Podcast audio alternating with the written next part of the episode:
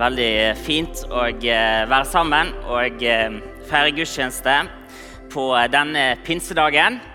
Og eh, gratulerer til hele dåpsfølget, og veldig kjekt å feire dåp sammen med dere. I pinsen, som vi feirer denne helgen her, så feirer vi at Gud han sendte sin ånd for å bo på innsiden av hver den som tror. Og eh, Den hellige ånd er gitt til deg og meg for at vi skal få eh, erfare Gud, kjenne Gud på en eh, personlig og levende måte. Og for at vi skal gjøres i stand til å gjøre det han kaller deg og meg til å gjøre. Så I kirken her har vi i perioden frem mot pinse, i den tiden av året som kalles påsketiden i kirkeåret, snakket om hvem Den hellige ånd er, og hva gjør Den hellige ånd i våre liv. For de aller fleste kristne tror jo på denne overnaturlige kraften fra Gud. Når Jesus eh, gikk eh, rundt på denne jorden, her, så kan vi lese at hans liv var kjennetegnet av en overnaturlig kraft. I Lukas 7 står det at blinde ser, lamme går, spedalske renses, døve hører, døde står opp, og evangeliet forkynnes for fattige. Og Så sier Jesus at den som tror på meg, ja, den skal òg gjøre de gjerningene jeg gjør. Ja, enda større gjerninger, kan vi lese i Johannes 14. Og Når vi leser apostlenes gjerninger, så ser vi at det faktisk begynner å skje. Men så er det likevel sånn, tror jeg, for, i fall for meg og sikkert for mange i rommet her, at uh, det er nok ikke alt det jeg leser i apostlenes gjerninger som jeg tenker at det kjennetegner mitt liv. Og Hvorfor er det en sånn avstand, og hva skyldes det? Det har vi prøvd å snakke om litt de siste ukene, her, om eh, hvordan et liv i Den hellige ånds kraft ser ut. Vi har snakket om det å lengte etter Den hellige ånd. Vi har snakket om å bli fylt av Ånden. Vi har snakket om at Ånden kanskje er sterkest til stede, ikke når vi er sterke, men når vi er svake. Og vi har snakket om at eh, vi kan lytte til Den hellige ånd og handle når han leder oss. Og denne Søndagen skal vi runde av dette temaet for denne gangen. og skal vi snakke om hvordan Gud har utrustet hver enkelt av oss i dette rommet med noen gaver som sier noe om hva Gud ønsker at du og meg skal gjøre, og hvordan vi kan tjene hverandre. Og For å snakke om det så skal vi gå til første Korinterbrev. Så hvis du har en bibel, så må du gjerne følge med der i eh, første Korinterbrev kapittel 12, og vi skal lese fra eh, vers 1. Der står det Når det gjelder Åndens gaver, søsken, så vil jeg at dere skal ha kunnskap om dem. Dere vet at Da dere var hedninger, så ble dere viljeløst revet med til de stumme avgudene. Derfor kunngjør jeg for dere at ingen som taler i Guds ånd, sier 'forbannet er Jesus', og ingen kan si 'Jesus er Herre' uten i Den hellige ånd. Det er forskjellige nådegaver, men ånden er den samme. Det er forskjellige tjenester, men Herren er den samme. Det er forskjellige kraftige virkninger, men Gud er den samme, han som er virksom og gjør alt i alle. Hos hver enkelt gir Ånden seg til kjenne, slik at det tjener til det gode. For ved en og samme ånd blir det gitt én å tale visdom, en annen å formidle kunnskap, en får ved den ene ånden en spesiell trosgave, en annen får nådegave til å helbrede, og en får kraft til å gjøre under. En får den gave å tale profetisk, en annen å bedømme ånder, en får ulike slag av tungetale. Og alt dette gjør den ene og samme ånd, som deler ut sine gaver til hver enkelt slik han vil. Slik kroppen er én, selv om den har mange lemmer. Og alle lemmene utgjør én kropp, enda de er mange slik er det også med Kristus. For med én ånd ble vi alle døpt til å være én kropp, enten vi er jøder eller grekere, slaver eller frie, og alle fikk vi én ånd å drikke. I eh, boken, etter hvert filmen 'Løven, heksa og klesskapet' i Narnia-serien, så eh, møter vi eh, Peter, Susan, Edmund og Lucy Pevensi de eh, evakueres fra London under andre verdenskrig og eh, skal flytte inn til en eldre professors store hus. Og En dag mens de er i dette store huset, så eh, leker de gjemsel der. og Da oppdager Lucy et gammelt garderobeskap som leder inn i denne hemmelige fantasiverden Narnia, som dere kanskje kjenner til. I Narnia der regjerer den onde isdronningen Jadis. Hun er kjent som heksa hvit. Og I denne historien så havna havner disse søsknene Pevensi i en allianse med løven Aslan om å vinne tilbake det godes makt i Narnia. Og eh, Det er mange fine scener i denne filmen. her, og I en av disse så møter Susan og Peter og Lucy på eh, Father Christmas, altså julenissen, i et møte som de ikke vet ennå skal bli veldig avgjørende for den kampen de skal inn i. Og vi skal faktisk eh, se dette klippet hvis det kommer bak meg. Jeg fikk nesten litt julestemning, jeg. Men uh, det er juni denne uken. Så ja. I uh, denne scenen her så uh, mottar hver av disse søsknene altså en gave fra julenissen. og selv om de ikke vet det, så vil disse gavene som de får, være helt avgjørende i den kampen de skal inn i mot den hvite heksa. Lucy hun får en flaske med olje som kan helbrede, og hun skal binde opp de sårede i kampen. Susan mottar et horn blant annet, som vil tilkalle hjelp akkurat når det er mest nødvendig. Og Peter han mottar et sverd som han vil bruke i nærkamp mot den hvite heksen. Og Ved å se på de gavene som de mottok, så kunne de forstå hva Aslan, denne løven, ønsket fra de i kampen. I dag så feirer vi altså pinse. Det er dagen da disiplene mottok Den hellige ånd. Og i 40 dager etter Jesus eh, sto opp fra de døde, så eh, viser han seg for disiplene, og han eh, snakker med dem og taler til dem om det som nå skal skje.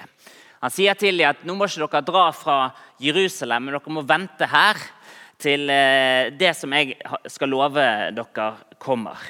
Og Så sier altså Jesus i Apostels gjerninger 1,8 at dere skal få kraft når Den hellige ånd kommer over dere, og dere skal være mine vitner i Jerusalem og hele Judea, i Samaria og helt til jordens ende. Disiplene skulle altså få kraft fra Gud til å gjøre det han kalte de til å gjøre. Så 50 dager etter oppstandelsen så kan vi lese at følgende skjer. Det står i Apostelens gjerninger 2,4 at da pinsedagen kom, så var alle samlet på ett sted. Plutselig lød det fra himmelen som når en kraftig vind blåser, og lyden fylte hele huset hvor de satt. Tunger som av ild viste seg for dem, delte seg og satte seg på hver enkelt av dem. og Da ble de alle fylt av Den hellige ånd. Og de begynte å tale på andre språk ettersom ånden ga dem å forkynne. Jesus han eh, bygger sitt rike. Og eh, Han inviterer deg og meg til å være med på det.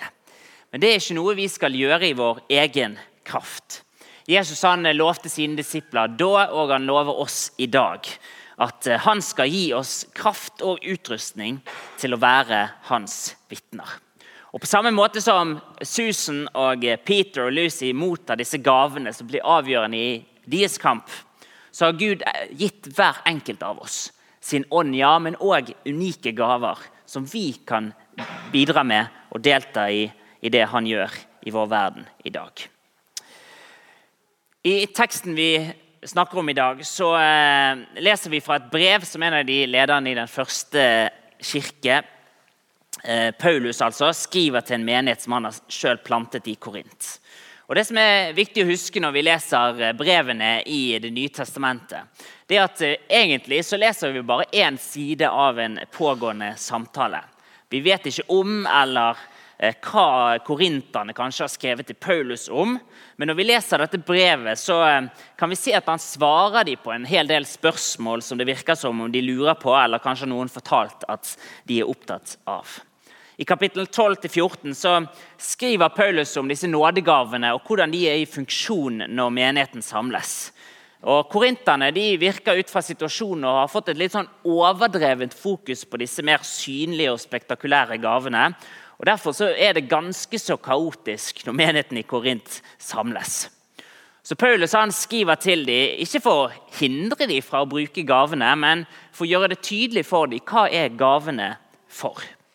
Og Hvis du følger med de neste minuttene, her, så skal vi se på hvordan hver enkelt av oss er gitt gaver fra Gud eh, som vi kan bruke for å tjene Han og tjene hverandre.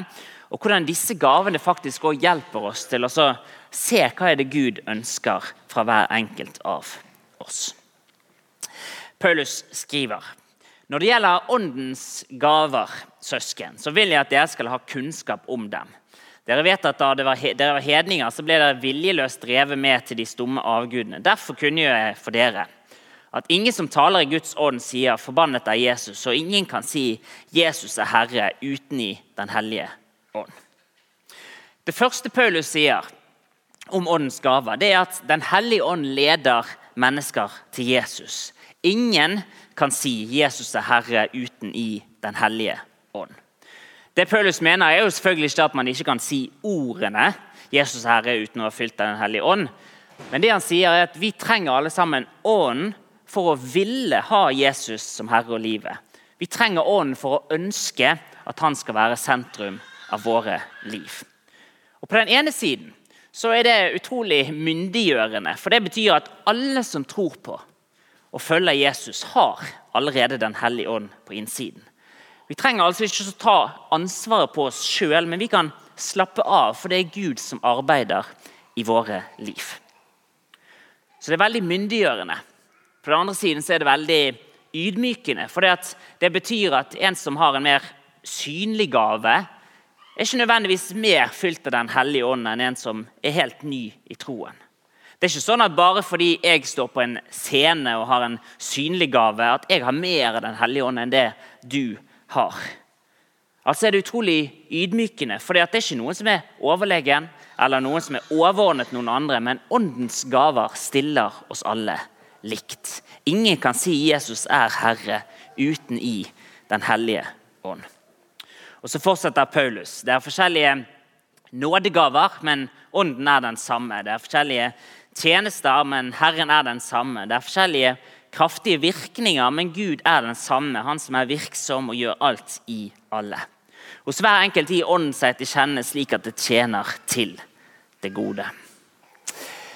En måte å forstå disse nådegavene på det er å se på disse synonymene som Paulus her bruker. Han skriver at det er forskjellige nådegaver, men ånden er den samme. Det er forskjellige tjenester, men Herren er den samme. Det er forskjellige kraftige virkninger, men Gud er den samme. Nylig avdøde forfatter og pastor Tim Keller han definerer nådegaver på denne måten. At ved Guds kraft er en nådegave en evne til å møte et behov for å tjene til et felles gode.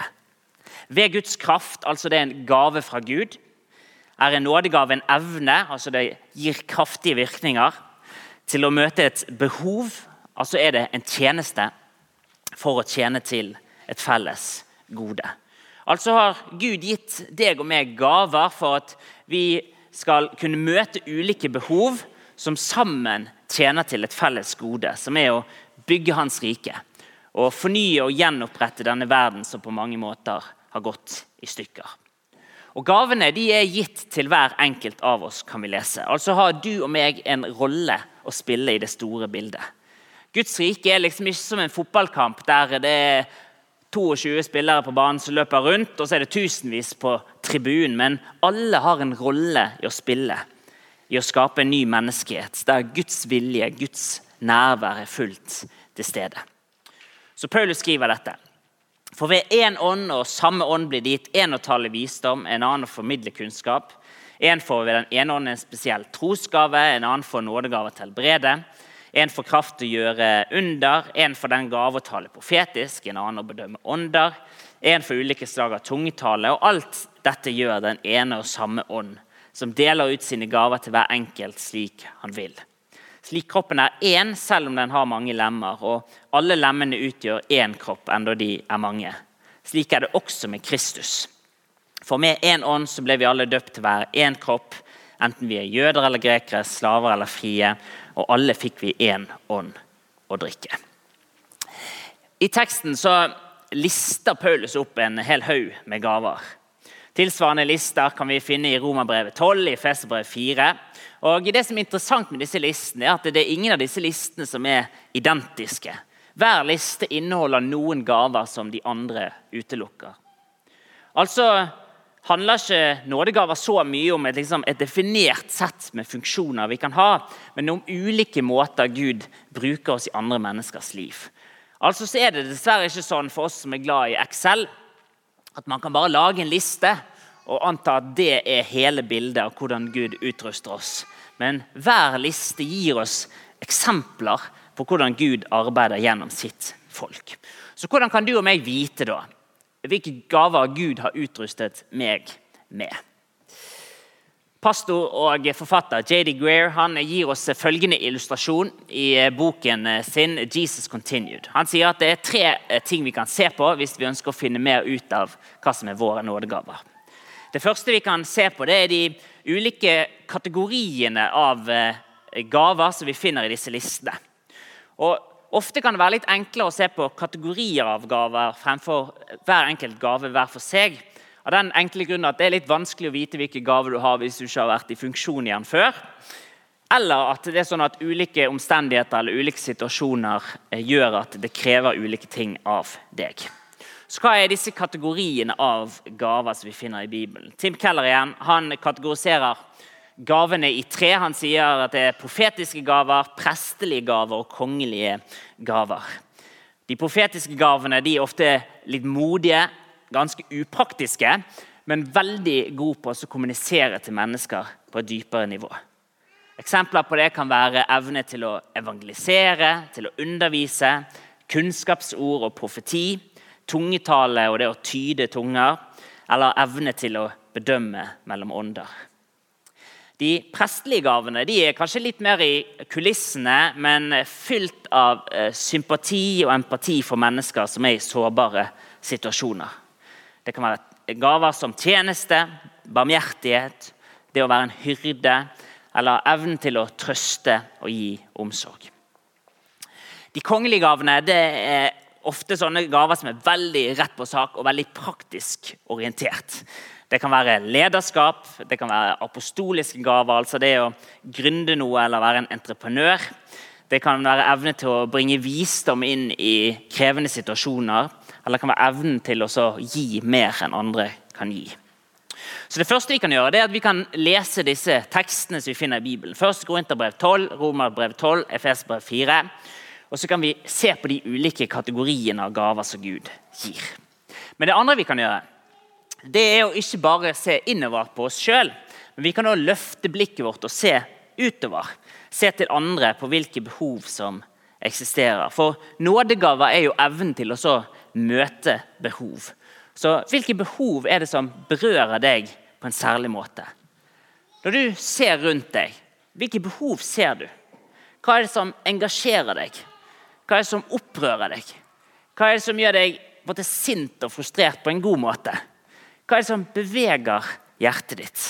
Fordi at Gud har lagt ned noe i deg som han ikke har lagt ned i andre. Det er ting som du tenker er det viktigste i verden, som andre tenker er det ikke så viktig. Og selv når vi alle sammen er enige om at noe er veldig viktig, ja, så er det sånn at vi ser behovet på ulike måter. Vi kan for se mennesker som er i vanskelige situasjoner og tenke ja, de trenger hjelp. det er vi alle enige om. Men gavene våre sier noe om hvordan vi ser behovene. Noen ser en vanskelig situasjon og tenker her trengs det et ord fra Gud. Andre ser en vanskelig situasjon og tenker her trengs det trøst og omsorg. Andre igjen ser en vanskelig situasjon og tenker her må vi komme opp med noen praktiske løsninger. Så Istedenfor bare se innover eller bare lese i Bibelen tenke har jeg den gaven eller har jeg den gaven, se utover. Løft blikket. Hvilke behov ser du, og hvilke behov engasjerer deg? Og Det tredje vi kan gjøre, det er å se på hva sier andre mennesker om meg. Få tilbakemeldinger, få feedback. Finn ut hva andre tenker at du er god på. For det er sånn at hvis du har gaven av undervisning, så vil jo effekten være at mennesker lærer. Hvis du bare prater og prater, ingen lærer noen ting. Kanskje ikke. Jeg vet ikke om det gikk en oppfatning for meg her nå, men eh, Ja, får jeg hjem og be om det. Så hvis du har gaven av omsorg, ja, så vil jo effekten være at mennesker føler seg elsket. Hvis alle er litt irritert når de har vært og pratet med deg, kanskje, kanskje ikke omsorg er din fremste gave. Hvis du har gaven av lederskap, ja, så er jo effekten at mennesker begynner å komme i bevegelse. Så spør andre. Hva tenker andre at du er god på? Og Hvordan kan du vite, ja, kan du vite da, hvilke gaver Gud har gitt deg? Jo, Du kan se på disse ulike kategoriene, lese i Bibelen. Så kan du se utover på hvilke behov som finnes, og så kan du spørre andre. Hvilken effekt har mitt liv på ditt liv? Altså, ved Guds kraft er en nådegave en evne til å møte et behov for å tjene til et felles gode. Gud han har gitt deg og meg gaver.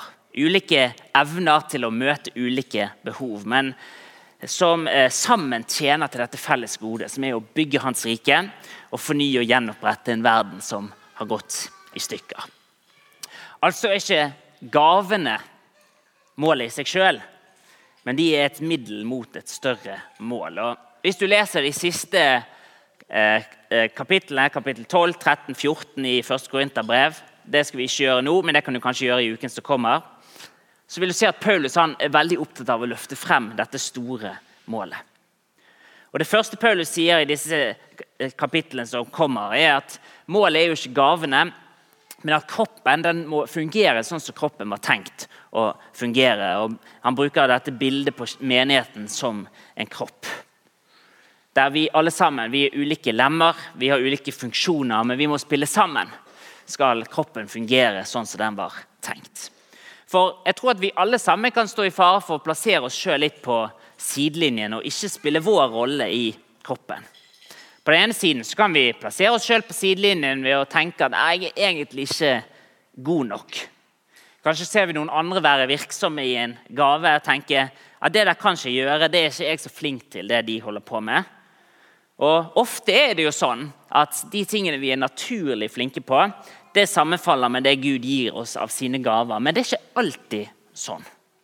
Jeg kjenner for mennesker som egentlig er veldig sjenerte, litt innadvendt, men de er utrolig effektive i evangelisering. Jeg kjenner mennesker som har så skarpe hoder at jeg blir skremt hver gang jeg snakker med dem. Men det er helt umulig å forstå når de står på en scene og skal prøve å forkynne noe. Så ikke avskriv deg sjøl fra en rolle eller en funksjon bare fordi du ikke er naturlig god til det. Kanskje vil Gud overraske deg også her. Så Vi kan plassere oss sjøl på sidelinjen ved å tenke jeg er ikke god nok. Men den andre fallgruven det er å plassere oss på sidelinjen ved å tenke at jeg er nesten litt for god. Sant? Kanskje har vi et ganske avklart forhold til hva som Gud har gitt meg av gaver. og Når en situasjon kommer som krever noe annet av oss, ja, så tenker vi er det ikke det Gud har kalt meg til. Men nådegavene kommer i funksjon når vi sammen tar ansvar for og bidrar inn i det Gud har kalt oss alle til å ta del i. Alle har ikke gaven av å være evangelist, men alle er kalt til å forkynne evangeliet. Alle har ikke gaven av å være profet, men alle er kalt til å formidle ord fra Gud til hverandre. Så ikke plasser deg sjøl på sidelinjen bare fordi situasjonen krever noe nytt fra deg som er utenfor det du tidligere har gjort. Men hvem vet, kanskje Gud kan overraske deg også her med nye gaver. For målet er jo ikke gavene i seg sjøl, men at kroppen skal fungere sammen sånn som han hadde tenkt. Og Det andre Paulus sier, det er at målet er ikke gavene, men at vi skal bli mennesker av kjærlighet. Paulus han avslutter kapittel 12 med disse ordene. Og jeg vil vise dere en enda bedre vei. Og Leser vi kapittel 13, som ofte blir lest i vielser, så beskriver Paulus med nydelige ord kjærlighetens kjennetegn. Gavene handler om det vi gjør, men frukten av våre liv handler om hvem du og meg er. Åndens gaver kan være ulike funksjoner, men åndens frukt det er kjærlighet, glede, fred, overbærenhet, vennlighet, godhet, trofasthet, ydmykhet og selvbeherskelse. Og Det Paulus sier, er at hvis du ikke har kjærlighet, så har du egentlig ingenting. For den du er, vil alltid rope mye høyere enn det du gjør. Paulus skriver om jeg, har, om jeg taler med menneskers og englers tunger, men ikke har kjærlighet. Da er jeg bare en drønende malm eller en klingende bjelle. Om jeg har profetisk gave, kjenner alle hemmeligheter og eier all kunnskap, om jeg har all tro som kan flytte fjell, men ikke har kjærlighet, ja, da er jeg intet. Om jeg gir alt jeg eier til brød for de fattige, ja, om jeg gir meg sjøl til å brennes, men ikke har kjærlighet, da har jeg ingenting vunnet. For målet er ikke gavene, men å bli mennesker av kjærlighet. Gavene er altså midler mot et mål. En ny menneskehet kjennetegnet av kjærlighet, glede, fred, overbærenhet, vennlighet, godhet, trofasthet, ydmykhet og selvbeherskelse. Den hellige ånd er gitt oss, alle sammen som tror, for at vi skal kjenne Gud. Og for at vi skal settes i stand til å gjøre det Han kaller oss til å gjøre. Hver enkelt av oss er gitt ulike gaver fra Gud, ulike evner til å møte ulike behov, men som sammen tjener til dette felles gode. Å bygge Hans rike. Å bli en ny menneskehet kjennetegnet av kjærlighet. Og å fornye og gjenopprette det som har gått i stykker i vår verden. Så ikke plasser deg sjøl på sidelinjen, men ta noen steg inn. Bli involvert. Ta del i det Gud gjør. For det at du trenger kroppen, og eh, kroppen trenger deg. Skal vi be en bønn sammen til slutt?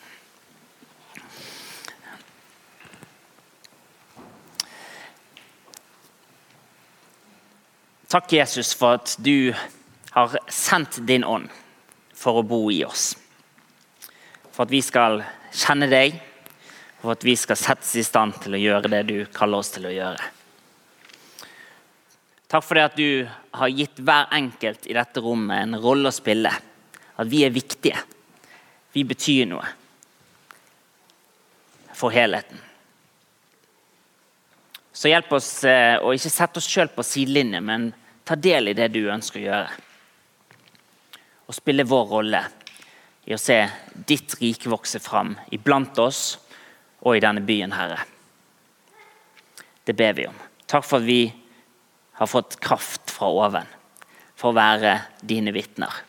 Det er ikke noe vi skal gjøre i vår egen styrke eller i vår egen makt eller vår egen klokskap. Men vi skal få lov til å stå under din Hellige Ånds kraft. Det takker vi deg for i ditt navn. Amen.